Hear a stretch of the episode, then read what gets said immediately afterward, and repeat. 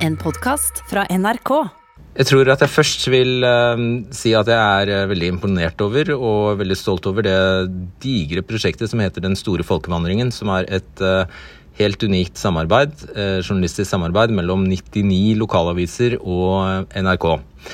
De har produsert noen veldig innsiktsfulle reportasjer og saker de siste ukene. Og det er ganske unikt at vi har fått til et sånt eh, samarbeid i det hele tatt. Og det er veldig gøy at eh, vi kan plukke opp eh, hansken og lage en debatt basert på det som er veldig, veldig aktuelle temaer. Ikke minst med tanke på en valgkamp.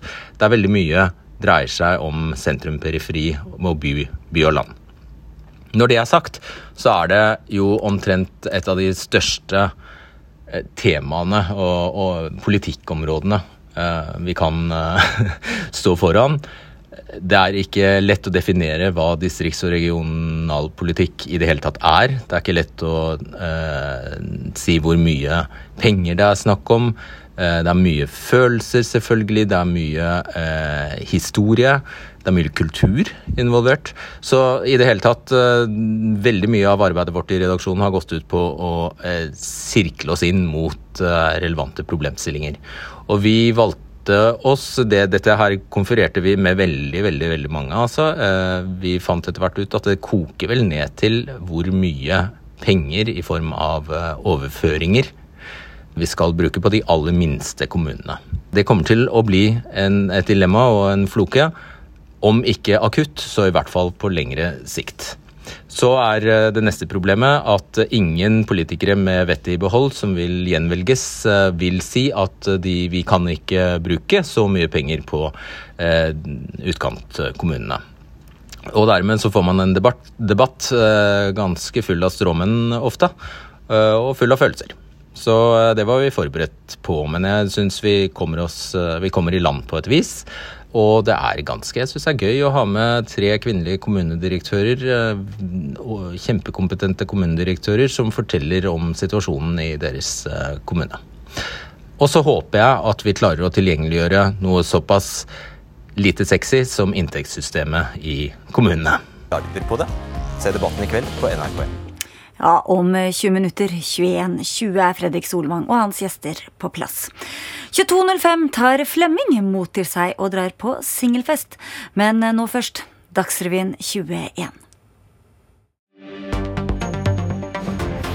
God kveld, dette er Dagsrevyen 21 med disse hovedsakene. Frp er på rett vei, mener Sylvi Listhaug. Går frem et knapt prosentpoeng på NRKs nye måling. Russland varsler tilbaketrekking av styrker fra Krim. Målet er nådd, sier landets forsvarsminister. Skilegenden Håkon Brusveen er død. Han var stemmen fra skogen, sier Vegard Ulvang. Sylvi Listhaug mener altså at eh, Fremskrittspartiet er på rett vei. Partiet går frem et knapt prosentpoeng fra forrige måned på NRKs nye måling, men ligger over fire prosentpoeng bak resultatet fra forrige valg. Sylvi Listhaug må ta ansvar for et parti som skårer 4,1 prosentpoeng lavere enn ved forrige valg. Det kommer frem i NRKs nye meningsmåling. Vi har jo sett både 6-, og 7- og 8-tallet tidligere. Det at vi nå ligger på over elleve er veldig bra, for det går i riktig retning. Over hele landet har vi spurt folk om hva de hadde stemt hvis det var valg i dag. Målingen viser en velgerflukt fra Frp til Senterpartiet. Hva skal du gjøre for å få disse velgerne tilbake? Nei, det er jo å vise det at eh, Senterpartiet dessverre ønsker å, samarbeide med venstresida. Så vil de ha lavere skatter og avgifter, eh, en klimapolitikk som er realistisk, at vi skal sikre lave bilavgifter osv. Så, videre, så er det Fremskrittspartiet som er partiet for dem. Hvis valgresultatet i høst speiler denne målingen, kan Senterpartiet, Arbeiderpartiet og SV sikre flertall i Stortinget. Ja, budskapet er jo at det er et helt klart flertall for eh, regjeringsskifte. Og at dette med eh, arbeid, velferd eh, til alle, eh, stopp på privatisering og det å ta hele landet i bruk, det samler et flertall som kan gi Norge en ny kurs. Og med under fem måneder til valget venter nå en tøff valgkamp. Og vi har gode tall og nye mandater i alle fylker med bakgrunn i denne målinga. Så mer solid utgangspunkt for noe valgkamp har vi aldri hatt enn det vi har nå. Nei, Nå er det bare å gi på, gi full gass fram mot valget og vise velgerne hvorfor de skal stemme på oss. Etter uker med frykt for en storkrig i Ukraina, varsler Russland at landet trekker tilbake styrker fra Krimhalvøya. Russland har gjennomført flere store øvelser, bl.a. i Svartehavet. Nå sier den russiske forsvarsministeren at målet med øvelsene er nådd. Flere enn 100 000 russiske soldater skal være til stede ved Ukrainas grense og på Krimhalvøya, som siden 2014 har vært annektert av Russland.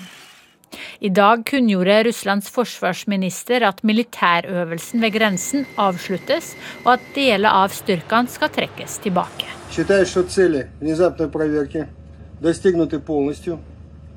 Войска продемонстрировали способность обеспечить надежную оборону страны. В связи с этим мною принято решение завершить проверочные мероприятия в Южном и Западном военных округах. Russland har vært misfornøyd med Ukrainas kontakt med Nato. Успешно отработали весь комплекс задач по обеспечению военной безопасности южных границ Российской Федерации. В данном регионе значительно повышается военная активность блока НАТО. Nyheten om den russiske tilbaketrekkinga ble tatt godt imot av Ukrainas president Volodymyr Zelenskyj. Ukraina er alltid årvåken, men ønsker velkommen ethvert skritt som tas for å redusere den militære tilstedeværelsen, sier han i dag. Ja, Jan Espen Kruse, hva betyr denne varslede tilbaketrekningen for spenningen i området? Ja, Hvis Russland virkelig gjør som de sier nå, og trekker tilbake styrkene, så er jo dette et svært viktig skritt i retning av å dempe spenningen eh, mellom Russland og Ukraina, og mellom eh, Russland og Vesten også. Russiske myndigheter de sa jo på forhånd at de eh, ville angripe Øst-Ukraina hvis ukrainske regjeringsstyrker satte i gang en militæroffensiv der. Så dette er et veldig viktig skritt framover. Nato følger eh, nøye med på de russiske bevegelsene. Hvordan er reaksjonene fra vestlig hold? Ja, eh, Nato sier i kveld at de følger med på situasjonen eh, nøye og ser hva russerne faktisk gjør. Men det blir sagt at ethvert skritt fra russisk side for å dempe spenningen er viktig. Hva betyr det som skjer for konflikten i Øst-Ukraina, som, som fortsatt ikke er løst? Nei, Den ligger jo der og ulmer, og det har jo vært skyting over der eh, hittil eh, i år, mer enn eh, tidligere.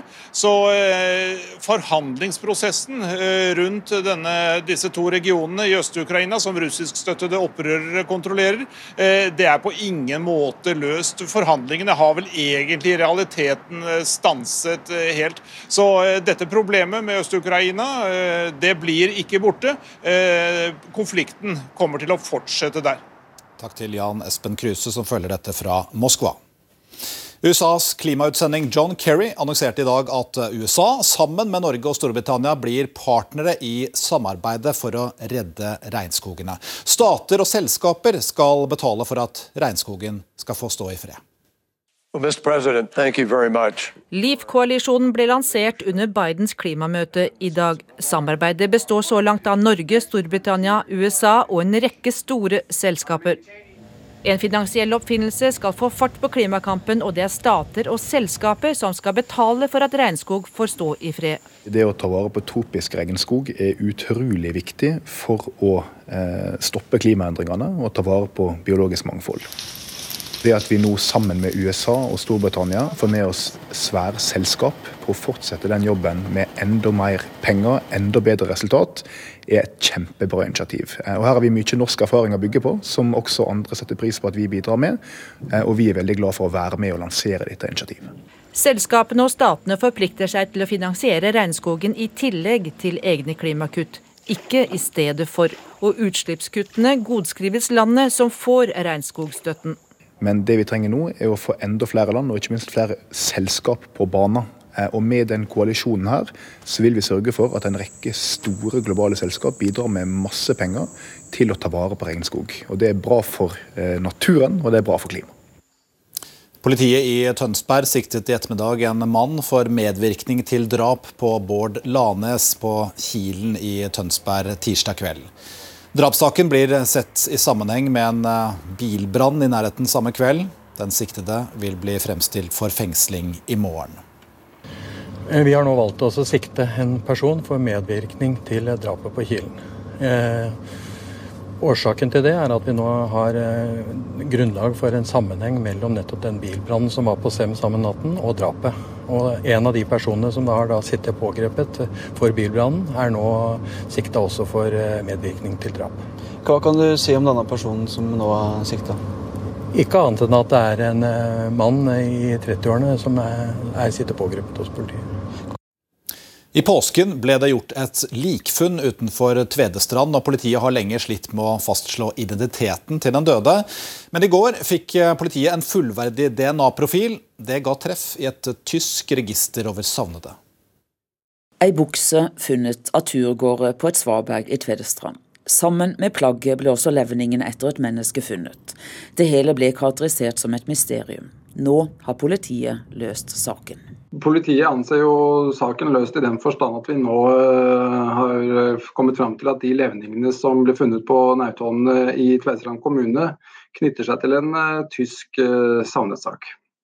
Kvinnen som har vært savnet, heter Ksenia Baikalov. Hun ble sist sett den 2. oktober på øya Sylt helt nord i Tyskland, der hun jobbet på et hotell.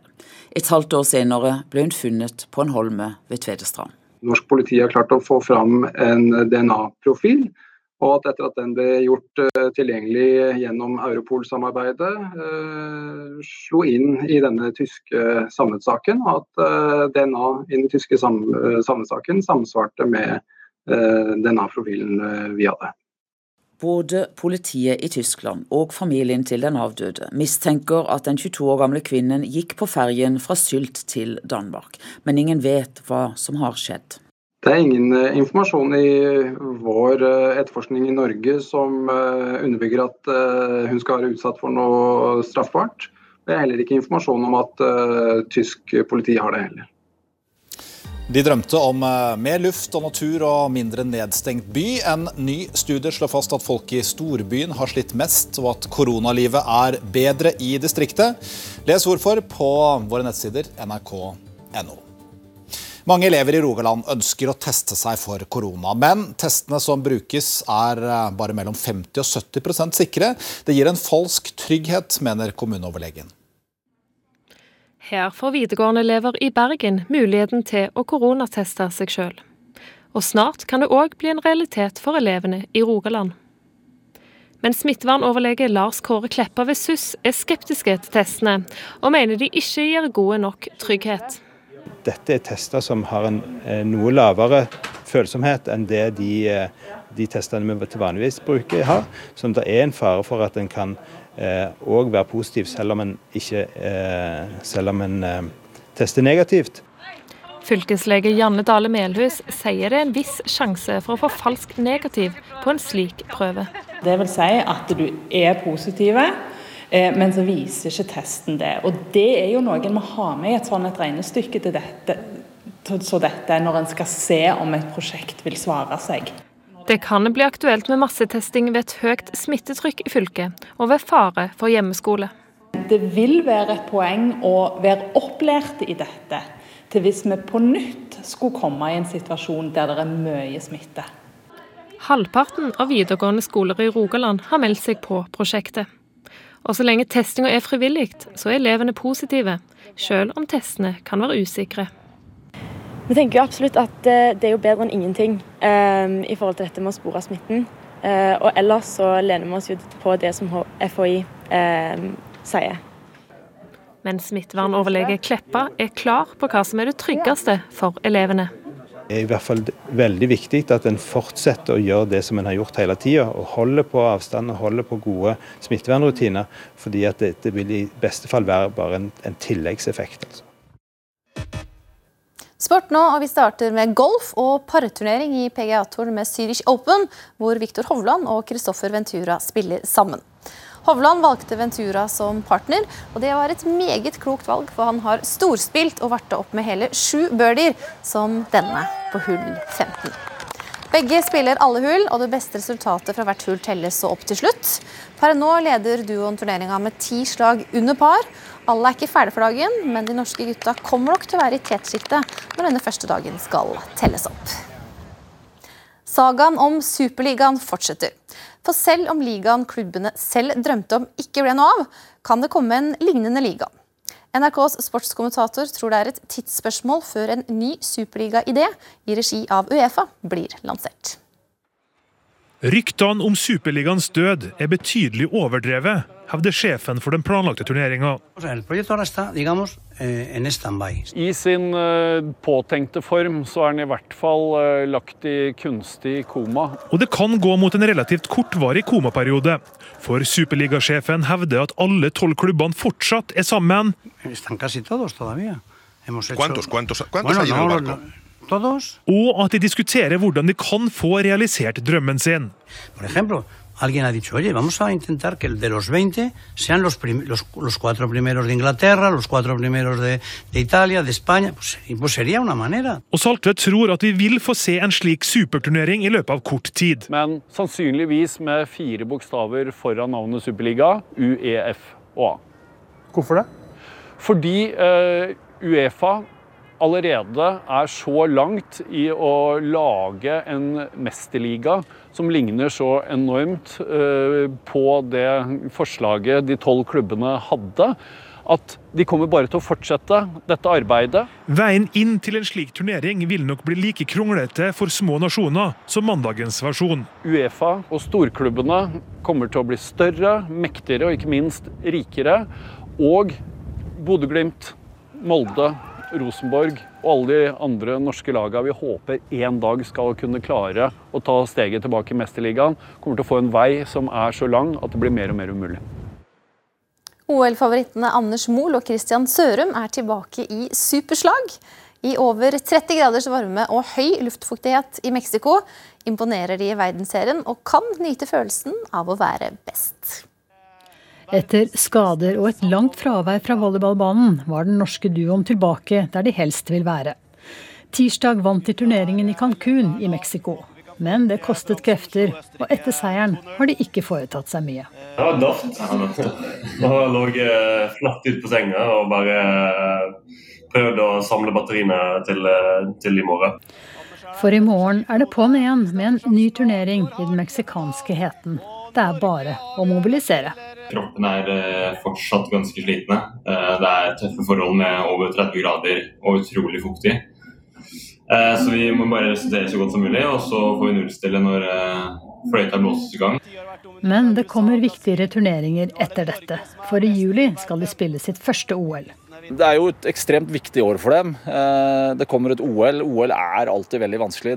De er storfavoritter de er gode nok til å vinne, og jeg, jeg håper at de holder seg skadefrie og motiverte og, og er fit og klare når OL kommer.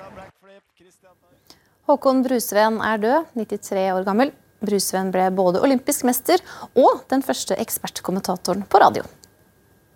Og det var lag nummer ni, som var Canada, hadde tulla seg framme der. Mange kjente Håkon Brusveen som stemmen fra skogen. Hans varme dialekt var lyden av langrenn på NRK radio fra 1963 og fram til han ga seg her under VM i Trondheim i 1997. De aller sterkeste minnene om Håkon, eller stemmen fra skogen, har jeg vel kanskje fra når vi passerte han i, i, løypa og hørte han kommenterte. Stemmen og atmosfæren de skapte, var definitivt med på å gjøre langrenn til en, en, en folkesport. og har skapt eh, varige minner, i hvert fall i min generasjon. og kanskje også hos dem som er eldre. De som er eldre, husker at Håkon Brusveen tok gull på 15 km under OL i Skåvel i 1960. Det var et OL han ikke skulle delta i, men mektige skivenner som bl.a. kong Olav fikk snakka han inn på laget. Og allerede i Sigers-intervjuet viste Brusveen at han hadde greie på både tideler og sekund. Dette løpet i dag det ble jo en uh, veritabel sekundstrid. Hvor stor forskjell var egentlig, Brusveen, mellom deg og Sixten Jernberg? Ja, det ble uh, 3,1 sekund til slutt. Ja, Dere regner tiendedeler også nå? Ja, det gjør de det nå. Kan se f.eks. på når vi har kjøpt et par ski, og hva skal vi så gjøre? Kunnskapen, humoren og engasjementet gjorde småbrukeren fra Vingrom til en stor kjendis. Varm som han var, brukte han også statusen til å hjelpe blinde og svaksynte under ridderne på Beitostølen. Håkon Brusveen ble 93 år gammel. Vi er fremme ved værvarselet. I dag så har det vært skiftende vær i Trøndelag. I det ene øyeblikket skinner sola, men neste øyeblikk så er det skyer og bygevær. Og Denne værsituasjonen den fortsetter også i morgen. Vi har et høytrykk eh, som ligger over Storbritannia. Det gir eh, pålandsvind og bygevær helt ifra Møre og Romsdal og nordover til eh, Troms og Finnmark. Vi ser nærmere på detaljene, og Spitsbergen. Her starter dagen utrolig fin. Mye sol, men etter hvert så blir det gradvis mer og mer skyer utover ettermiddagen. Noe sol det får vi også i Nord-Norge, men det blir også perioder med sludd- og snøbyger. Lite nedbør i Øst-Finnmark og også på Finnmarksvidda. Vinden kommer opp i en frisk bris til liten kuling. I Sør-Norge vil det bli bygevær både i Trøndelag og Møre og Romsdal. Resten av Vestlandet, Sørlandet og Østlandet, her blir det mye sol. Og det er tørt eh, der det ikke er snø på Sørlandet og Østlandet, så her er det lokalt stor gress- og lyngbrannfare. Husker du disse to? Tjorven og hunden Båtsmann var sentrale i SVTs klassiker Vi på Saltkråkan fra 1964. Nå, nesten 60 år etter, vender svensk TV igjen tilbake til den fiktive Skjærgårdsøya og lager en ny og moderne versjon av serien. Premieredatoen er um, ennå ikke satt. Og med det så setter vi strek. Kveldsnytt kommer klokken 23. Takk for nå. Skal det bo folk også på de minste plassene i landet vårt? Debatten straks.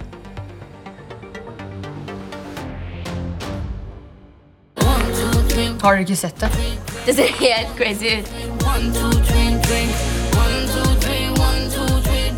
Nødt eller sannhet? Hva er det med deg striper, egentlig? Se det nå i NRK TV og NRK Super. purpose of education is to draw the best out of children. We should go to Corfu. Hi, you people want a taxi? No. Familien Durell prøver å skape et nytt og bedre liv på det greske øyparadiset We Korfu. have no money. Mother, this is not Bournemouth. I know, I presume that's why we're here. Familien Durells greske eventyr. Se det nå i NRK TV.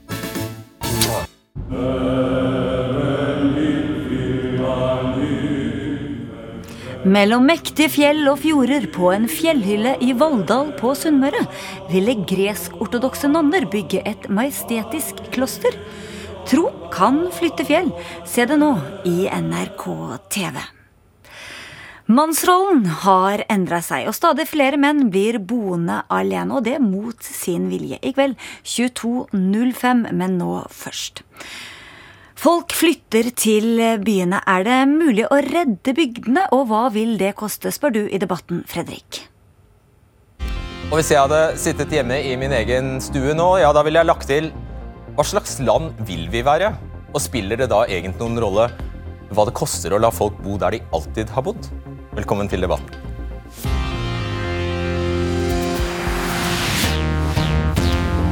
Nesten alle nordmenn kommer egentlig fra bygda. Men fra 1960-tallet har urbaniseringen ført til nedgang i spredtbygde strøk og vekst i byer og tettsteder. Og I mange bygder har de unge reist for lengst. De som er igjen, lager for få barn.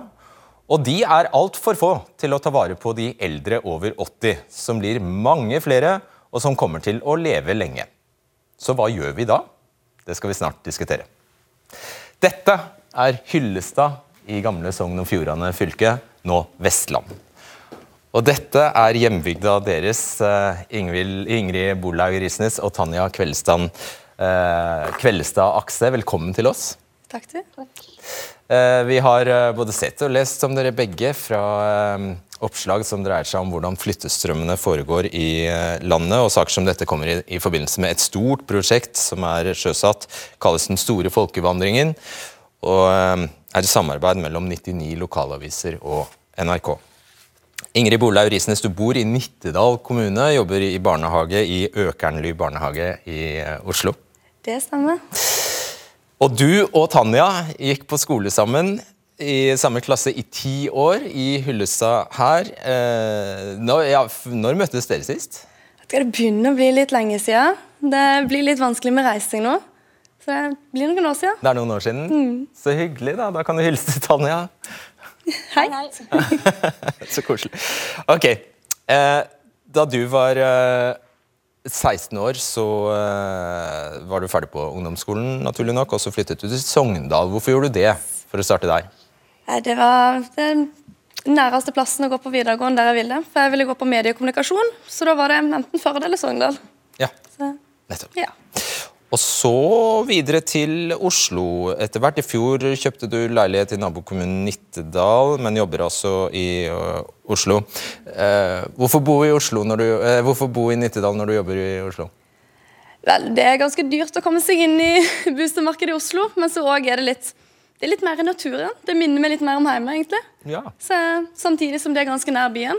Så Mm. egentlig den perfekte plassen. Så litt fakta om Hyllestad. Det er en kommune med ca. 1300 innbyggere. Og siden år 2000 fram til 2019 har 1224 mennesker flyttet fra din hjemkommune, ifølge Statistisk sentralbyrå. Og de siste 20 årene har det blitt 250 personer færre i denne kommunen. Og du er altså en av dem. Hvorfor skjer dette? Jeg vil tro at det at eh, det er litt lite tilbud. Så folk vil utforske mer, de trenger det mer sosiale. Og det blir jo en litt sånn balle seg på. Når en flytter, så flytter den andre, for en vil jo følge med de en er glad i. Ja, Gode venner. Naturlig det. Tanja Kveldestad Akse, du er med oss fra Hylsa kommune, og du studerer spesialpedagogikk. Og du jobber i fast vikariat, vikariat som eh, portvakt på eh, Havyard, Lærvik i Sogn. Og nå skal vi se et eh, veldig interessant bilde her. Dette er klassebildet deres. Og du var den eneste jenta som, eh, på bildet som eh, flyttet tilbake eh, igjen. Der ser vi deg. Eh, Ja, da ser vi deg ned, ned til venstre. Hvorfor yes. gjorde du det? Eh, altså For min del så eh, ble det jo et valg om om samboeren skulle flytte opp til eh, Tromsø og at jeg kunne fullføre skole der med graviditet. Eller om jeg skulle flytte hjem og så bygge familien her. Og Da ble det jo mest gunstig med tanke på at her har vi barnevakter og et godt støtteapparat rundt oss. Og når det var mulig å ta skolen over nett, så ble det mye enklere.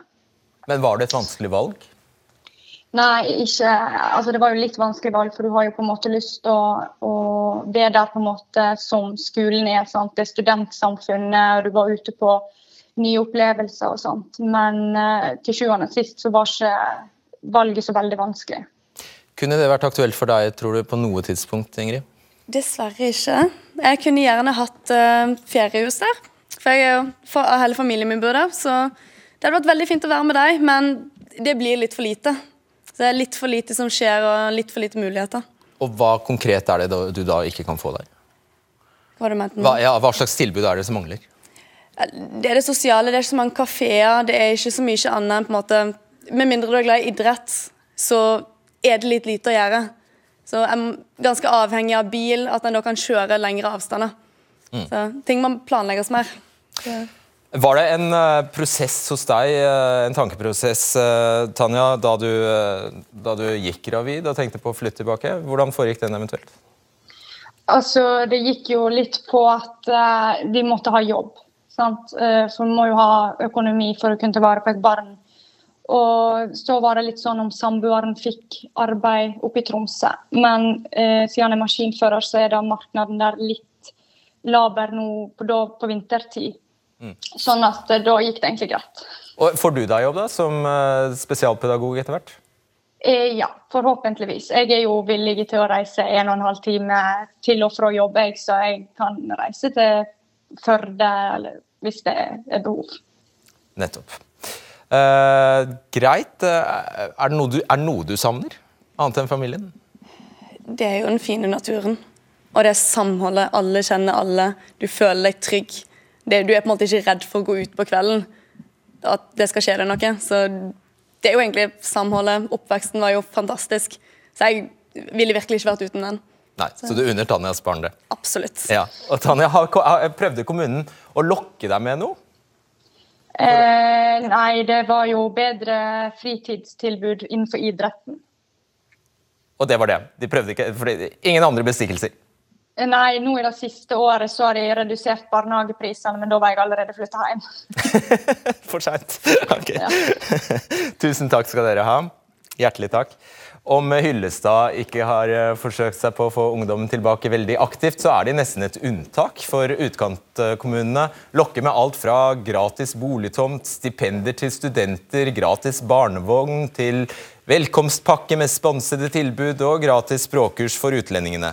Eh, Kommunene bruker ofte også penger på fiffige slagord, mottoer og visjoner, og de sikter mot befolkningsvekst og betaler konsulenter for å lage drømmekampanjer for å få folk tilbake.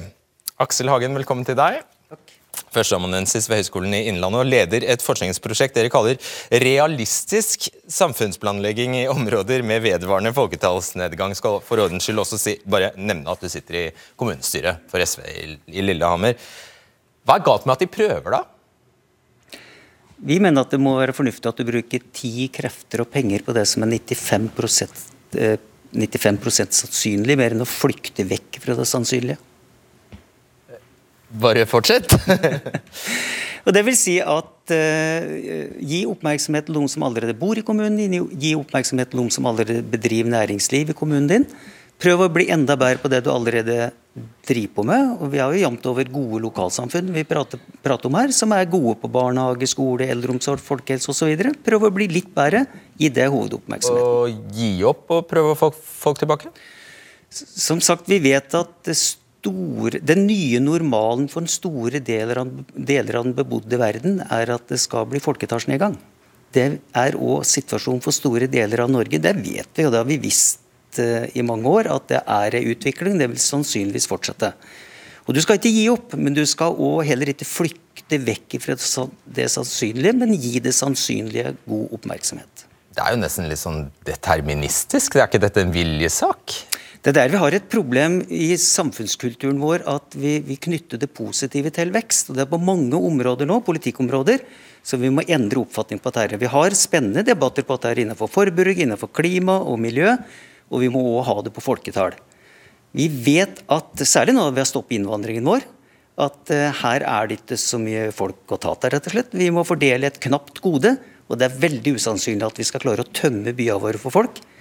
Så her må vi knytte suksess til andre faktorer enn folketallsutvikling. Og det det konkret betyr, er at kommuner som opplever nedgang i folketallet, må egentlig bare forsone seg med det og innse at de kommer til å bli en mindre kommune? Og det er ingenting som Vi vet jo det at dette er et triste samfunn preget av, av gråvær, for, for å si det på den måten. Vi vet jo at folk stort sett er uh, godt fornøyde med både bo og drive næringsvirksomhet i disse her kommunene som har svak folketallsnedgang. Så vi må, vi må ikke framstille dette her som noe veldig sånn trist og, og vondt noe. Dette, kan, dette, er gode samfunn å bo og leve i. Ja, Men de blir jo eldre, da? For å være litt humoristisk, da. Hvis vi går til lykkeforskere, så er det jo eldre som er uh, lykkelige i samfunnet vårt, og ikke de unge. Så slik sett så må dette være kommuner som er full av lykke. Det, det, er noe, det, er ikke noe, trist å bo i samfunnet med mange eldre. Nei, tror jeg du har rett i. Um, og, bare to ord om Jeg nevnte disse konsulentene og disse mottoene og slagordene. Utdyp gjerne. Ja, Vi har jo gått inn i en del kommuner og sett på hva som skjer nettopp på det området der. og En typisk kommune er jo da en kommune med der folketallskurver peker nedover. Så går de en, leier de inn en konsulent eller en forsker det ene tilfellet som vi særlig nå tenker på, så har, sa vedkommende forsker at her må dere tenke offensivt, dvs. Si du må tenke folketallsvekst, du må tenke attraktivitet. Det er jo et motord her. Eh, og Her må din kommune, på tross av det som har skjedd så langt, si at du må ha som ambisjon at du skal bli mer attraktiv enn 70% av de norske kommuner. Og da vil det kunne skje noe. Så skal du ikke minst eh, huske på at framsnakking skal være den nye olja. For å sitere direkte. Og dette, her, dette er virkelighetsflukt. Det er ikke konstruktivt samfunnsutviklingsarbeid. Keiserens nye klær. Absolutt. Du, Før vi går eh, videre, jeg tror det er greit å ha med seg hvilke kommuner vi faktisk eh, snakker om her. På dette norgeskartet her så er kommunene delt inn i seks. Der én er de mest sentrale kommunene, det er altså den dyp røde fargen. og den dyp blå fargen er de minst sentrale kommunene. Det er nummer seks. Sa jeg omvendt nå? Altså én er de mest sentrale, og seks er de minst sentrale. Og det vi skal merke oss, det er at byer som ja, Tromsø, Bodø, Ålesund, alle sørlandsbyene, byene på Innlandet Mjø i Mjøsregionen og noen rundt uh, Oslo, de er faktisk bare på sentralitet nummer tre. De er litt over middels sentrale kommuner, de. Så vi har veldig få veldig store, det, det, det forteller, er at vi har veldig få store, virkelig tette uh, sentrale kom, kommuner. Og så ser vi at stort sett er landet blått. Det betyr at 209 kommuner tilhører kategori 5 og 6 her, altså de blå. De utgjør 72% av arealet, men har bare 14% av innbyggerne. Faktisk. Og så tror jeg vi skal få opp med det samme. Vi er i gang, så kan vi like gjerne se på en graf til. og Den, den viser Se på den lys blå streken her. Fra 1966 og fram til i dag så er det faktisk bare de minst sentrale kommunene, og det er den lys blå streken, den nederste streken, det er faktisk bare den typen kommuner som har hatt befolkningsnedgang. Alle de andre kategoriene kommuner, kommuner har hatt befolkningsvekst, og størst har den vært i Oslo, på 60-70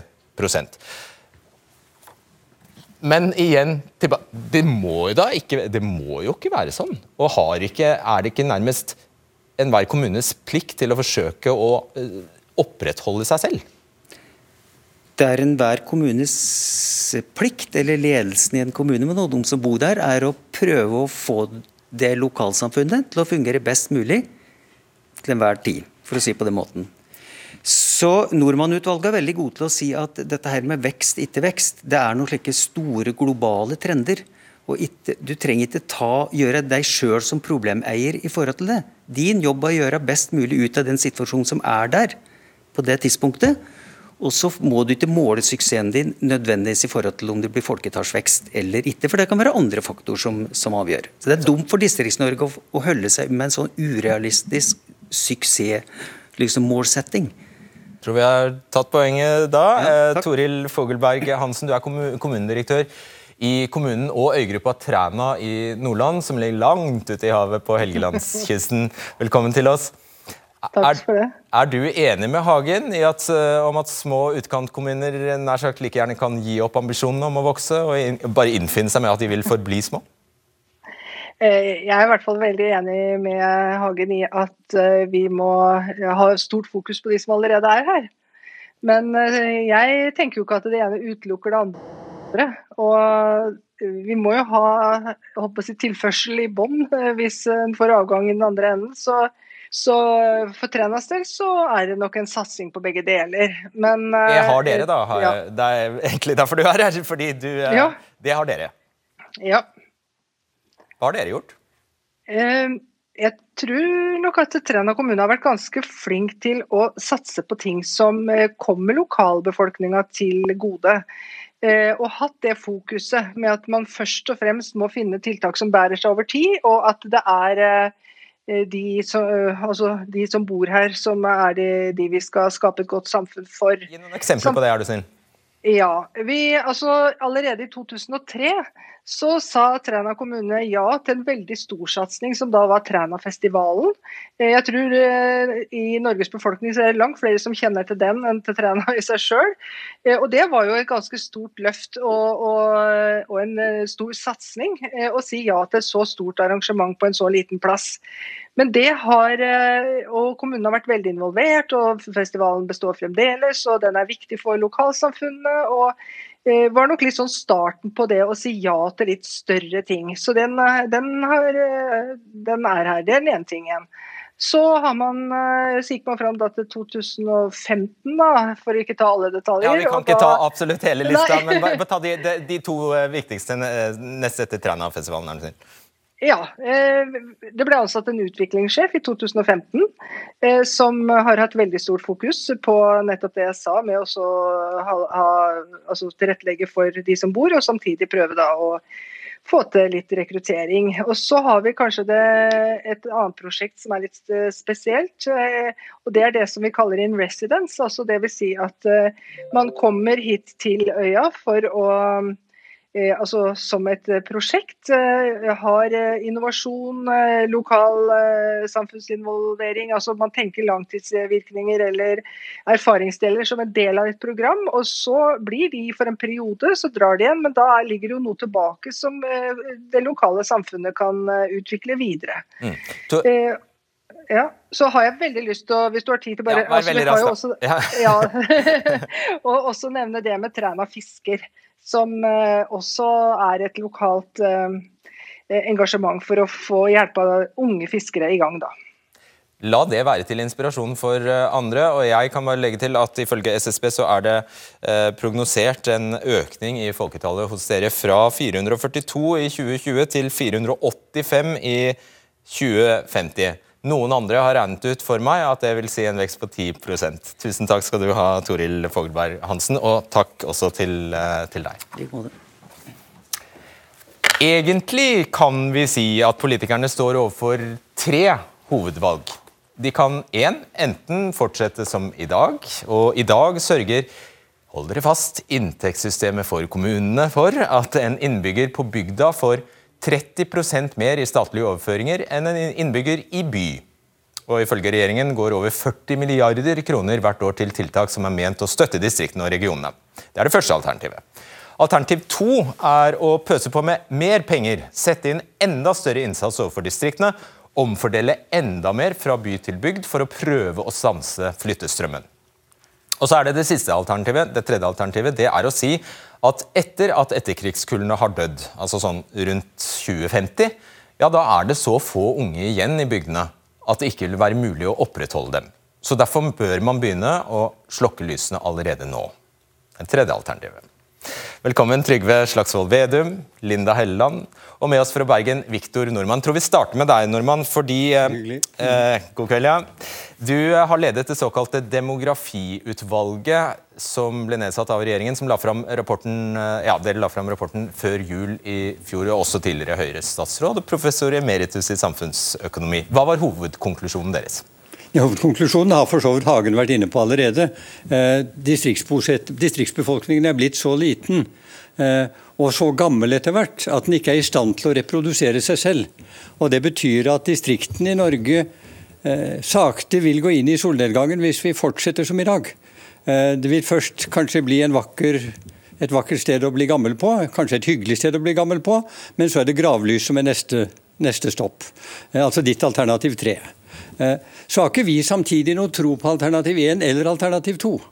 For vi mener at det vi må ta utgangspunkt i, er hva er det som egentlig er problemstillingen i distriktene per i dag.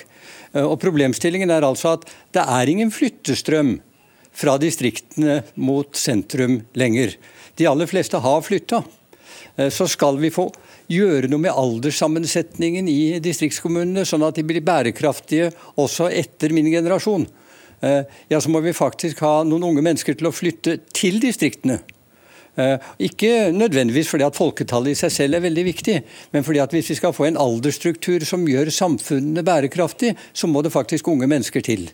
Eh, og Da er det ikke så interessant hvor mye vi bruker på distriktspolitikk i dag. For mye av det bruker vi på ting som ikke har noen effekt. Det er mer enn hva skal ambisjonen vår være. Og hva vil en distriktspolitikk som er rettet inn mot det at vi skal ha folk til å flytte til distriktene, folk som faktisk kan være født og oppvokst på Grünerløkka? Eh, hvor mye vil en sånn politikk koste? Og, jeg for min del tror jo at hvis vi virkelig har lyst til å holde liv i Distrikts-Norge, så må vi slå over på den type politikk. Og jeg tror ikke den blir så dyr som dagens politikk engang. Og da skal jeg bare rydde før vi går videre, for nå er det lett å eh, bli litt forvirret. Du, sier, du sa nå nettopp at det er ikke noen stor flyttestrøm. og så tenker jeg, sa ikke, sa ikke Fredrik nettopp at det nettopp var det som skjedde? Det er befolkningsnedgang, men det er ikke det samme som flyttestrøm. ikke sant? Helt, og det som skjer i bygdene nå, det er hovedsakelig som du sier, at de som vil flytte, de har allerede flyttet. Og de som er igjen, de blir eldre. Og de blir betraktelig eldre. Ja. Statistisk sentralbyrå i sine prognoser, og de, de, kan man diskutere, men de er veldig tydelige på at strømmen av folk fra distriktene blir etter hvert så liten at den oppveies av den lille strømmen som alltid har gått motsatt vei. Og Der vil folketallet stabiliseres, men blir altså eldre og eldre og eldre, så de vil vare i en generasjon til. Oppklar én ting for oss eh, nordmann, fordi nå er det mange som sitter og hytter med neven i stuene sine. De sier hva er det dere snakker om, verdiskapning og overføringer fra byer til, eh, til, eh, fra byer til bygder. Der fisken, oljen og gassen finnes jo i havet, og maten vår beiter på jorder i Distrikts-Norge, ikke på Grünerløkka. Så hva, vi kan ikke leve av baristaer og papirflyttere, det vet alle. Hva vil du si til det? Naturressurser er viktig, men la meg minne om det Erik Brofoss sa i sin tid, at vi lever først og fremst av hverandres arbeid. Så 70-80% kanskje 90 90 av verdiskapningen i samfunnet kommer fra folk. Og det blir ingen verdiskapning uten folk. Og Det betyr at der hvor det bor mange mennesker, der er det stor verdiskapning, og der hvor det bor få mennesker, er det liten verdiskapning. Det betyr også at eh, til og med statsansatte i Oslo bidrar til verdiskapning. Nei, nå har jeg ikke hørt på maken. Nei, så det... jeg bare tuller. Ok, Vi lar ordet gå videre til Trygve Slagsvold Vedum, leder i Senterpartiet. Hvilket alternativ ville du ha valgt deg av disse tre? Nei, Vi må ha en helt annen offensiv distriktspolitikk. og Da må vi bruke ressurser på å utvikle hele Norge. Og Det har vært det fantastiske prosjektet vi har hatt som land. At vi har tenkt at det har vært et mål at vi skal ha bosettingen fra Finnmark eh, i nordøst til Agder i sør.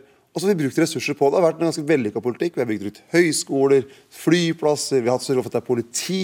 Vi har liksom brukt ressurser og bygd land. Hvis du ser norgeskartet Sammenlignet med Sverige for eksempel, så ser du at det er en helt annen bosetting. og Det er det det handler om. Hvilket Norge vil vi ha? Og Så teller du ned til å svare på spørsmålet mitt. Så av de tre alternativene, fortsette som i dag, mer, eh, satse enda mer, eller bare avvikle? Svaret var at vi satser mer. Satser. Fordi at Nå har han satsa mindre, og dagens regjering har jo hatt en ønske om stordrift og sentralisering. Det var dem svar. Vi ønsker en satsing på tjenester nært der folk bor. Og for, du, egentlig så sa, sa, du, men jeg skal bare få deg til å erkjenne det enda mer. Det er ingen Uansett hva om regjeringen utgår fra Høyre, Arbeiderpartiet, deg selv eller hvem det skulle være i Norge, som har gjort drastiske kutt i den helt fenomenale etterkrigsinnsatsen du, du, faktisk, du beskriver, som faktisk har gått ut på reiselandet, som har gått ut på å til, altså tenk det, bygge opp utdanningsinstitusjoner over hele landet, tilby gratis utdanning til hele folket, infrastruktur overalt, osv., osv., osv. Det der er å bruke alle disse milliardene på distrikts- og regiontiltak. Det, du er enig i at det ligger nokså fast uansett regjering? Det har vært en veldig stor endring under dagens uh, regjering. For at du ser alle de store reformene de har hatt, har det vært sentralisering som har vært uh, hovednøkkelen. Ta politireformen, la ned 120 tjenestesteder. Høyskole- og universitetsreformen gjorde at man avvikla det som vi kjenner som de tradisjonelle distriktshøyskolene. Hvis du tar kortbanenettet, som du nevner, da, så ser du avgiftene for eksempel, på fly har gjort at mange av de rutetilbudene har blitt dårligere. og Sånn kunne jeg ha fortsatt. og Der har vi hatt ulike syn. Der vi har ment at den der sentraliseringen har vært gærent, har dagens regjering ment at det er riktig. Og så ser du f.eks. i Nord-Norge, så har tallene som flytta ut, var 7746, tror jeg det var. Flere som flytta ut av Nord-Norge de siste to åra enn som flytta inn. Så det er en stor sentralisering. Den var snus, den må vi bruke politikk. Og tenk hvor flott det er hvis vi klarer å få snudd igjen. og Det har vi klart tidligere, og da må vi bruke ressurser på det skal komme tilbake hvem som hadde, i, den, i hvilken grad det stemmer det du nettopp sa, at eh, vi har greid det tidligere, og hvem som hadde æren for det. Kommer tilbake til det. Linda Hofstad Helleland, velkommen til deg. Du er distrikts- og digitaliseringsminister. Hva er svaret ditt? Hvilket av disse tre alternativene ville du ha valgt deg? Mer eller mindre satsing, eller status quo? Jeg er jo mer opptatt av hvordan vi bruker eh, de midlene som vi bevilger. Vi bruker i dag altså 46 milliarder på distriktsretta tiltak, og så bruker vi da masse på samferdsel i tillegg. Men jeg er jo enig med Trygve i Så status quo bare for at seerne skal henge Ja, men mer da hvordan vi bruker dem. Og da er jeg enig med Trygve sant, at det er, det er, et mål for Norge at vi skal ha bosetning i hele landet. Ja, at folk skal bo og arbeide. Nei, men det, det, er litt viktig, for at det er med å avgjøre hvordan vi, vi, bruker de pengene. Det er viktig fordi at uh, distriktene og det som skjer der, det er mye av løsninga for hvordan vi skal komme oss videre i Norge. for Det er snakk om arbeidsplassene, hva vi skal leve av. Det er jo den grønne industrien vår. Det er bedriftene. Det er dem som lever av eh, oppdrett. Altså Det er der folk skal jobbe i framtida. Og da eh, må de bedriftene de må ha folk. Og da må vi legge til rette for det. og Det er jo derfor at vi f.eks. har dobla samferdselsbudsjettet. For når vi gikk inn i regjering, det lukta jo ikke asfalt en mil i Norge. Så vi har dobla samferdselsbudsjettet. Vi har, nå, nå, har vi en, en uh, satsing på høyhastighets høyhastighetsbredbånd i, i, hele distriktet. For det er veldig eh, viktig også for eh, spredtbygde eh, strøk. Så vi, mens, mens Trygve og Senterpartiet de vil ha mer stat, de vil ha mer kontorer, de måler liksom hvor mange kilometer det er til rådhuset, så vil vi ha arbeidsplasser. For vi tror at du kan ikke bo ute på bygda hvis ikke du har en jobb å gå til. Mm. Og det er det aller, aller viktigste. Ja, Aldeles straks, men Viktor Nordmann, her vet nå, sier Linda Hofstad Helleland, at regjeringens hovedresept er for det første å fortsette de tiltakene som, eh, den politikken som eh, ligger der, men i tillegg satse kraftig på eh, næringsutvikling, altså arbeidsplasser. Der sier faktisk du at det vil ikke fungere? Jo da, jo da, det vil sikkert fungere, men det hjelper ikke hvis vi ikke har folk. Og Det som er hovedproblemet i distriktene i dag, er altså at unge mennesker har valgt å bosette seg i de store byene, og ikke har vist noen interesse for liv i det lille format.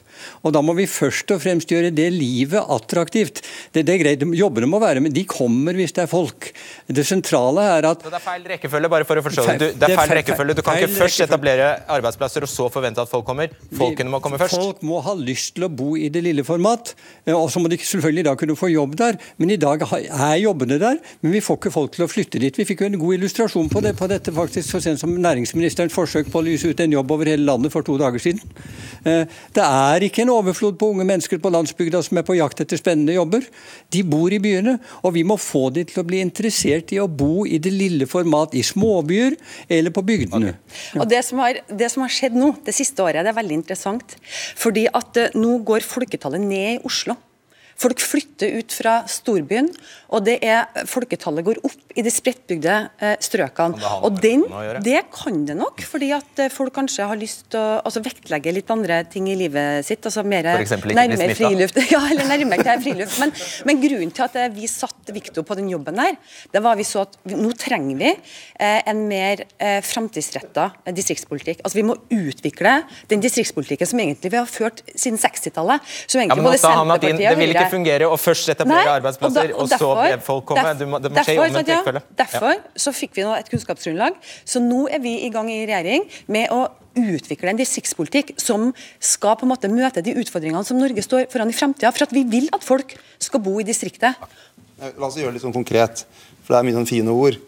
Men ta f.eks. politireformen, da, som eh, de kalte nærpolitireform, som ble tidenes fjernpolitireform. Og så har jeg et oppslag fra Salangen i Troms og den lokale politi, eller brannmannen, som også har blitt politimann, uttaler vi har jo ikke politiet her. Brannmannen anslår at det tar som regel én til to timer før politiet kommer. Og Derfor så plutselig han som da er deltidsbrannmann, også bli politimannen. Og klart at Det er jo sånn eh, folk reagerer på. At man ser at staten trekker seg ut fra veldig mange store og små steder rundt omkring i Norge. Og ikke minst da beredskap, politi, brann. Og, og Skal folk bosette seg der, så må vi ha et godt grunntilbud. Og Det er det som er problemet når dere i kommunereformsaken f.eks. tvang sammen Troms og Finnmark, Viken, lagde rare konstruksjoner som ikke skapte noen løsninger. Og i beredskapsarbeidet at mange opplever at politiet f.eks. er mindre til stede.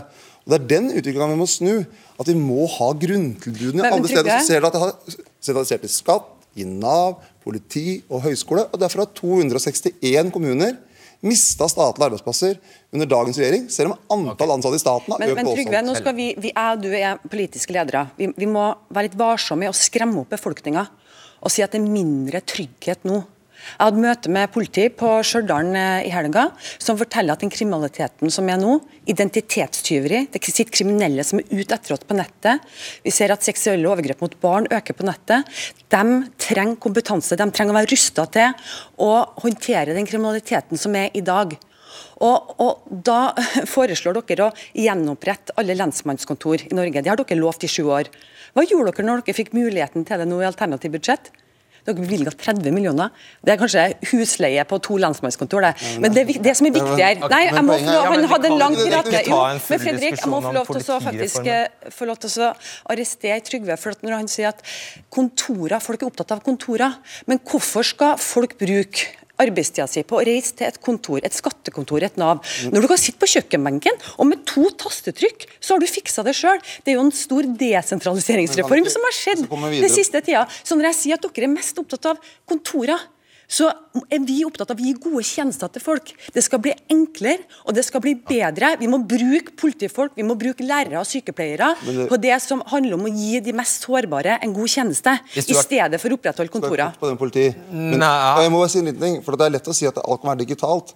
Men f.eks. brannmannen som står der og venter to-tre timer på at eller, Alle skjønner han kan ikke være digital. Nei, han kan ikke ja. være det, og det er det som er problemet med regjeringa. Alt kan løses på nett. Men alt kan ikke løses på nett. Okay, lever, Vi lever, lever, lever lokalt, og da må vi også god beredskap lokalt. Du sier mer, mer, mer, sier du. Mer, sterkere lut. Eh, som, som, sagt, det er jo minst over 40 milliarder i, i, i uh, ordninger i, i, dag. Og i ditt alternative budsjett så foreslår dere å plusse på budsjettet til Kommunaldepartementet med sånn rundt 8 milliarder kroner. Og jeg vet du har lista klar på hva det, hva det kan inneholde. Det er jo masse godsaker som lavere skatt til distriktene, kutt i studielån, økt, økt pendlerfradrag, ikke sant? enda, enda mindre arbeidsgiveravgift i de ytterste distriktene. Også osv. Men du, det vet du også vil gå på bekostning av byene. og det, det, det er en ærlig sak, det, men da må, da, da, må si, da må, du si, det. Og i byene så er jo situasjonen den at fattigdommen har økt. Andelen barn som vokser opp i familier med lav inntekt har blitt høyere. Ifølge en offentlig utredning som kom nesten samtidig med Demografiutvalgets eh, rapport. Det du, går du altså inn med åpne øyne og vil forsterke. Men her gjør det verden helt, eh, snur det helt på huet. Fordi at vi får større geografiske forskjeller i Norge. Det er det ene problemet vi har. At vi får større geografiske forskjeller mellom by og land. Nord-Norge, sentrale Østlandet. Det er ett problem. Og så er det de sosiale forskjellene. Det er et annet problem. Så vi må sette inn ressurser der òg. Men vi kan ikke sette f.eks. fattigdomsproblemer i Groruddalen opp med at det er dårlig politiberedskap i Gudbrandsdalen. En krone er vel en krone? Har du mer penger enn dem? Men vi bruker det annerledes. Men la oss si, da Og så er det en veldig sånn rar ting at man sier at bare bygdene får ikke byene. Altså, vi har, dagens regjering har lagt fram byvekstavtaler med 66 milliarder kroner. Ifølge Viktor Nordmann så går 60, var det noen, litt over 60 av all forskningsmidler går til, til Oslo-området. Så det er veldig mye midler som går til Oslo-området. Alle de store eksportfylkene våre er distriktsfylker. Så vi må bare, det her er, Bildet er veldig sammensatt. Men, men, men så må vi da ha en klar tanke som mål ønsker å bygge forskjeller ned eller opp. Og vi i Senterpartiet ønsker å bygge ned både det sosiale, som du ser spesielt i en by som Oslo, men også det geografiske. For vi kan ikke akseptere at Finnmark, andre deler av Norge, blir hengende etter. Det er ikke det, er ikke det Norge vi ønsker. Vi ønsker et Norge der alle er med. Men, men jeg, jeg, jeg syns det er veldig synd at dere godtar premisset som ble lagt av programlederen, at vi må velge mellom de tre alternativene. Når vi altså vet, og, og, og dette har vært med på å utrede siden 1990-tallet, vi vet at hovedproblemet med norsk distriktspolitikk er at den koster mye mer enn den smaker. I den forstand at den har ikke den effekten på distriktsutviklingen som, som var målet. For å ta ett eksempel som nå er veldig gammelt. Da. Vi brukte masse penger på å opprettholde Hurtigruten og på å opprettholde Rørosbanen, til tross for at det ikke betydde noen ting for transportarbeidet i Østerdalen og på kysten. Vi, vi, vi, må være villige til, Hvis vi skal virkelig ha bosetting i hele Norge, så må vi være villige til å føre en distriktspolitikk som treffer problemstillingene godt. Og gjør vi det, så er altså jeg overbevist om at vi kan klare å ha en mye bedre distriktspolitikk i dag til mye lavere pris enn den prisen vi har i dag. Ok, altså, da, vent, vent, vent. Fordi Jeg skal ønske velkommen til Åslaug Krogsæter, som er kommunedirektør i Stad, og Ragnhild Bjerkvik, eh, som er kommunedirektør i Kvinnherad kommune ved Hardangerfjorden i Vestland. Velkommen. Uh, start med deg, Ragnhild Bjerkevik. Du lot deg intervjue i avisa Kvinnehæringen denne uka. og der kom du med en aldri Jeg tror man må kunne kalle dette en slags brannfakkel, for du sa at uh, kommunen din ikke vil komme, til å klare å hjelpe alle i fremtiden, og at uh, konsekvensen av det kan bli at må, de eldre må betale for seg selv. Altså, utgangspunktet for det er jo hele velferdsstaten som er under press.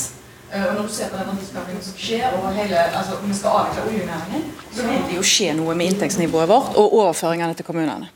Så ser vi også at Inntektssystemet er rigga sånn at eh, når vi har en befolkningsreduksjon, og vi har eh, flere innbyggere som blir eldre, og vi har færre som er av de yngre årsklassene, så skjer det noe med inntektssystemet vårt. Så Våre tjenester er under press. Det er helt klart. Nå er ikke kvinner av den kommunen som har dårligst økonomi, det må sies, men allikevel, i AS Norge eh, vil få store utfordringer i tida framover. For vi får færre og færre skattebetalere i forhold til de som trenger tjenester. Og Det er det vi står og, og, står og faller på. Jeg, jeg, er ikke så opptatt av de, de kontorene som vi har mista. Vi har nettopp mista noe på skatt. Og, og altså det, det, det, kan skje med digitalisering. Men de hendene som skal yte tjenester innenfor skole, innenfor, innenfor barnehager og innenfor omsorgstjenester, de er viktige. Og Da sier du at de eldre må begynne å plan eller folk, innbyggerne må begynne å planlegge egen alderdom selv? Ja, jeg tenker at de er veldig viktige. Jeg synes at Hver og en av oss har et ansvar for å planlegge alderdommen sin. Vi må tenke på hvordan er det vi bor, og hvordan er det bygget eh, tilrettelagt for, for å bevege seg, uten, selv om du kanskje får vondt i en fot eller at du må i en eh, rullestol. Det, må du, det må du, bør du planlegge, hvis du har mulighet for det. Det som er den store utfordringen i litt, eh, sånn, der det er litt mer spredt bebyggelse, det er at den boligen du har, den faller mer i verdi enn om du hadde hatt den boligen i Oslo. Så du har liksom ikke det innskuddet. Nei, hvor skal du få pengene? Ja, for eksempel, hvor skal du få penger til å flytte, fra, til å, til å flytte inn i en ny uh, omsorgsbolig i sentrum for, av uh, Nei, vi har, vi har noe, Det norske stats husbank. Eksempel, vi har noen verktøy i dette samfunnet som vi har gode tradisjoner på og kanskje kan bruke. Husbanken har vi. Vi trenger desentraliserte utdanningssystemer. Vi har en lånekasse. Det, det må kunne gå an å bruke disse systemene for at vi skal uh, ja. det. Ja. ja det, det, er jo, det, er jo, utrolig bra synes jeg, at eh, man eh, har på en måte litt sånn realisme i de utfordringene vi står overfor. For vi har bare en pengesekk alle sammen. Trygve han lover alt alle hele tida. Eh, så det har vi blitt vant med nå gjennom sju år. Men, men, vi som på en måte må ta ansvar for budsjetter, vi ser at vi må gjøre ting annerledes. Mm. Eh, og da er jeg veldig glad for at du sier, for det første, eh, at vi tilbyr boliger, og at vi sørger for at det skal være godt å være gammel også på bygda. Jeg hadde jo møte med distriktssenteret og Husbanken her for noen dager siden. Der, der forteller de de har jo eh, også spesielle låneordninger for folk i distriktet. Men det, det viktigste du sier, det er at vi må bruke pengene på sykepleiere. Vi må bruke pengene på for folk som skal gi gode tjenester. Og nei, fordi at, jo, fordi det, vi så, nei, fordi at det som, Jeg må bare fullføre det. fordi at Det som Trygve sa i stad, var feil. Fordi eh, Det som Senterpartiet brukte penger på, i, jo, det var byråkrati, det var økt offentlig administrasjon. Okay, okay. Det brukte Senterpartiet og, pengene på, men vi må bruke pengene på folk som gir og betyr noe for mm. folk i hverdagen. Og, nei, jeg vet ikke lov men det er veldig sånn det er bare sånn påstand du brukte på byråkratiet penger. Nei, jeg kan dokumentere det. Det kan du ikke gjøre. Jo, skal vi, skal vi ta Dere, hold opp, da! Vi har jo en siste Vi har en, vi har en person til som må inn. Åslaug Krogsæter, velkommen til deg. Du er kommunedirektør i Stad eh, kommune, med oss fra Nordfjordeid i, i, Vestland. Og Du er også veldig, du satt i dette utvalget til Viktor Nordmann, og eh, du er også opptatt av dette med å ta ansvar, at de eldre må ta, at man må ta mer eh, ansvar for, eh, for egen alderdom. Hva, hva, betyr det helt konkret? Ja, jeg tror jeg er veldig enig med kommunedirektøren i Kvinnherad. At uh, vi må planlegge alderdommen vår tidlig. Men jeg tror ikke det er noe en nødvendigvis kan gjøre helt alene. fordi det må et helt samfunn til for å, å planlegge for en sånn endring som vi står foran. Og Da handler det både om å planlegge hvor vi skal bo, og ikke minst planlegge hvordan vi i videste verden skal klare å ha hender til å ta vare på hverandre. Hvordan skal vi spille på frivilligheten? Hvordan skal vi spille på den generasjonen pensjonister som er unge og rike lenge? Og ikke minst hvordan skal vi få folk til å lyst til å flytte. Vi må få unge folk til å komme. Og Da tror jeg vi må dyrke som forskeren sa tidlig, kvalitetene i vårt eget samfunn. og Det er det bare vi sjøl som kan gjøre. Men da må vi jo få stor frihet som lokalsamfunn. Kommunepolitikerne må være de som får lov å ha handa på rattet i hvordan en skal få utvikle sitt eget samfunn.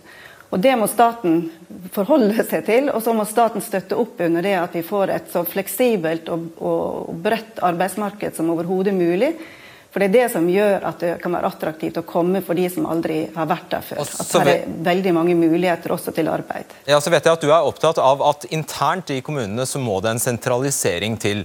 Det driver dere bl.a. til eh, på med i, i Stat. Og det helt konkret, det betyr at hvis du bor i ytterkanten av kommunen, så kan det bli ja, du kan, eh, du kan, få beskjed om at du må faktisk flytte på deg hvis eh, du er interessert i de tjenestene som kommunen har å tilby?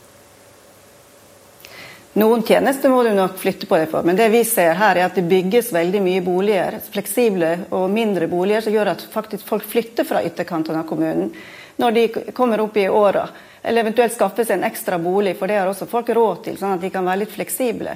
Så dette handler om å legge til rette for det, ikke å tvinge folk, for det tror jeg vi aldri skal gjøre. Men jeg tror vi skal se på det som positivt å samle folk. fordi at det å ha fellesskap, det å bo nær hverandre, det å ha noe å holde på med, og lett tilgang til tjenester og varer osv., det er faktisk et eh, gode for folk. Så, men her, Det er en modningsprosess som må til i samfunnet våre. Vi må snakke om det her, og vi må planlegge, ikke minst, for å tilpasse oss det som skal komme. Ikke sant, fordi uh, Bjerkevik, det er jo dette handler jo om røtter for mange. Det kan være Ja da, det er klart. Har du en tilknytning til en plass, er det mye lettere at du kommer tilbake igjen til den plassen. Men jeg har lyst til å ta en, en liten ting som, som Åslaug nevnte. Det var det lokale handlingsrommet. Vi er veldig avhengig av det for at vi skal kunne skape gode, eh, gode boforhold hos oss. Eh, og så er det to ting som vi, vi, ser komme igjen og igjen. og det er at Vi, vi har en strandsonelov i, eh, i Norge som, som, eh, som, gir oss ganske klare begrensninger. og Den er, blir forvalta rimelig likt overalt overalt i landet. Det er, og Vi har mange som har eiendommer i strandsonen som har lyst til å bygge. Og Når de ikke får lov til det, så velger de gjerne å flytte den. Det er ett element. Så har du dette med bolig på, på, inn på en gard, f.eks., som òg er et viktig for, for enkelte. Så, så det, det, er utrolig viktig. Altså, Det er sammensatt, dette her. Bare si to ord om, at, eh, om din egen kommune, for jeg har skjønt at det er faktisk noe galt med fasongen på den. Uh, noe galt med fasongen. Han er jo stor, da, og så har vi en veldig bred fjord. Uh, som uh, Før så var det jo sånn at fjorden bandt sammen, nå skiller han mer. så vi har stor. Altså, det, fasong er kanskje ikke riktig ord. det er mange, du har mange eldre. Ja, ja, mange bygder. Sånn ja. ja. Mange småbygder. Ja, mange småbygder. Hva, hva innebærer det sånn, sånn, helt praktisk for dere? Nei, det betyr jo, altså, Noen må jo flytte hvis de trenger uh, stor grad av tjenester. Institusjonene våre er jo selvfølgelig ikke overalt. Uh, men vi prøver å ivareta uh, innbyggerne våre så godt vi kan med. Og vi leverer gode tjenester. Men, når, men vi ser at det er stadig vekk et press her. Og vi ser at inntektssystemet vårt eller inntektssystemet, det gir oss ikke de beste forutsetningene de neste årene. Og det er da jeg lurer på Eh, hvor, hvor, hvor, I hva tid er det, er det innbyggerne selv må ta et, eh, et ansvar og uh, være med å finansiere dette? Og hvordan, ja, hva, hva, er din løsning på akkurat det hun sier her? Altså det, det, hun beskriver jo en situasjon, Begge beskriver en situasjon der det først skjer en sentralisering internt i kommunen, og så fortsetter det. Hvordan skal du greie å stanse det? Poenget, altså Vi må først komme litt tilbake til start her for Vi har veldig sterke offentlige muskler i Norge hvis vi ønsker å, å bygge hele ja, så, landet. Så det, spørsmålet er hvordan skal du greie å stanse det? Men poenget er jo at selvfølgelig så må alle ta ansvar for sitt eget liv. Sånn er det jo. Eh, du tar ansvar for ditt eget liv og må ta ansvar når du er eldre. Men så må vi også ha en trygghet i bunn, at vi skal ha en offentlig velferd som sikrer deg den dagen du ikke klarer å ta ansvar for deg sjøl. Og Da må vi også ha et eh, inntektssystem som gjør at på mindre steder så har man mulighet til å ha sykehjem, hjemmesykepleie, fastlege, de grunnleggende tjenestene. Og Det er derfor vi er så opptatt av at man skal ha et variert arbeidsmarked på mindre steder. for det gjør at flere vil flytte dit, bosette seg. Og så er det, Jeg er veldig enig i det Victor Nordmann sa i stad. At vi f.eks. gjør en ordning på Husbanken som gjør at flere tør å satse og bygge en bolig på mindre steder. Så, Victor Nordmann har også tatt til rette for mer sånne personrettede tiltak. på At unge som har studert, f.eks., skal kunne flytte til Kvinarad eller andre mindre steder og tenke at her er det økonomisk smart for meg å flytte. For det er viktig for oss som land å ha den varierte bosettingen. For vi har så mye av vår eksportindustri også på de mindre stedene. Så dette er sammensatt. Men vi må ikke framstille sånn at vi har mindre mulighet til å gjøre dette her nå enn vi hadde for 20 eller 30 år siden. For vi har muskler, så er det en politisk prioritering om vi ønsker å bygge den velferden på små og store steder. Og vi ønsker begge deler. Da går vi inn for landet. Ja, altså Det som er så bra nå med eh, det de to damene her eh, peker på, nemlig at eh, lokalpolitikerne må få muligheten eh, til å utvikle mm. Eh, kommunen sin, for de kjenner bygda si og kystsamfunnet Eh, best. og Derfor så er nå regjeringa i gang med å lage en, en helt sånn mye av distriktspolitikk. der vi og vi har jo hatt møte med, med, dere, der vi skal bygge opp virkelig kraftsentre mm. på, på, tettstedene og småbyene, og som kan være viktige for omlandet rundt. Og så er vi i gang ikke sant, med en egen kyststrategi, en innlandsstrategi, nettopp for vi ser at den distriktspolitikken vi har i dag, den fungerer ikke. Og i stedet bare for å si at alt og alle skal få Ser du det etter sju år, eller? Nei, vi ser jo det etter den politikken som er ført siden 60-tallet. Så ser vi at vi er nødt til å gjøre noe mye. Og da handler det om å legge til rette for jobbene. For det handler om hva er det vi skal leve av i Norge videre. De ressursene som vi har langs kysten i Innlandet, der kommer det til å komme massevis av jobber framover. Da vil folk flytte dit, og det vil være framtida for Distrikts-Norge. Og derfor så går vi den lyst i møte. Så må regjeringa begynne å lytte på de som faktisk bor der, for det, mange av de reformene dere har gjennomført, har dere glemt å lytte. Og det er noe av det viktigste politikere bør gjøre. Å slutte med den tvangen og sentraliseringa som har gjort de siste sju åra. Det har du jo sagt. Ja, men det er veldig viktig.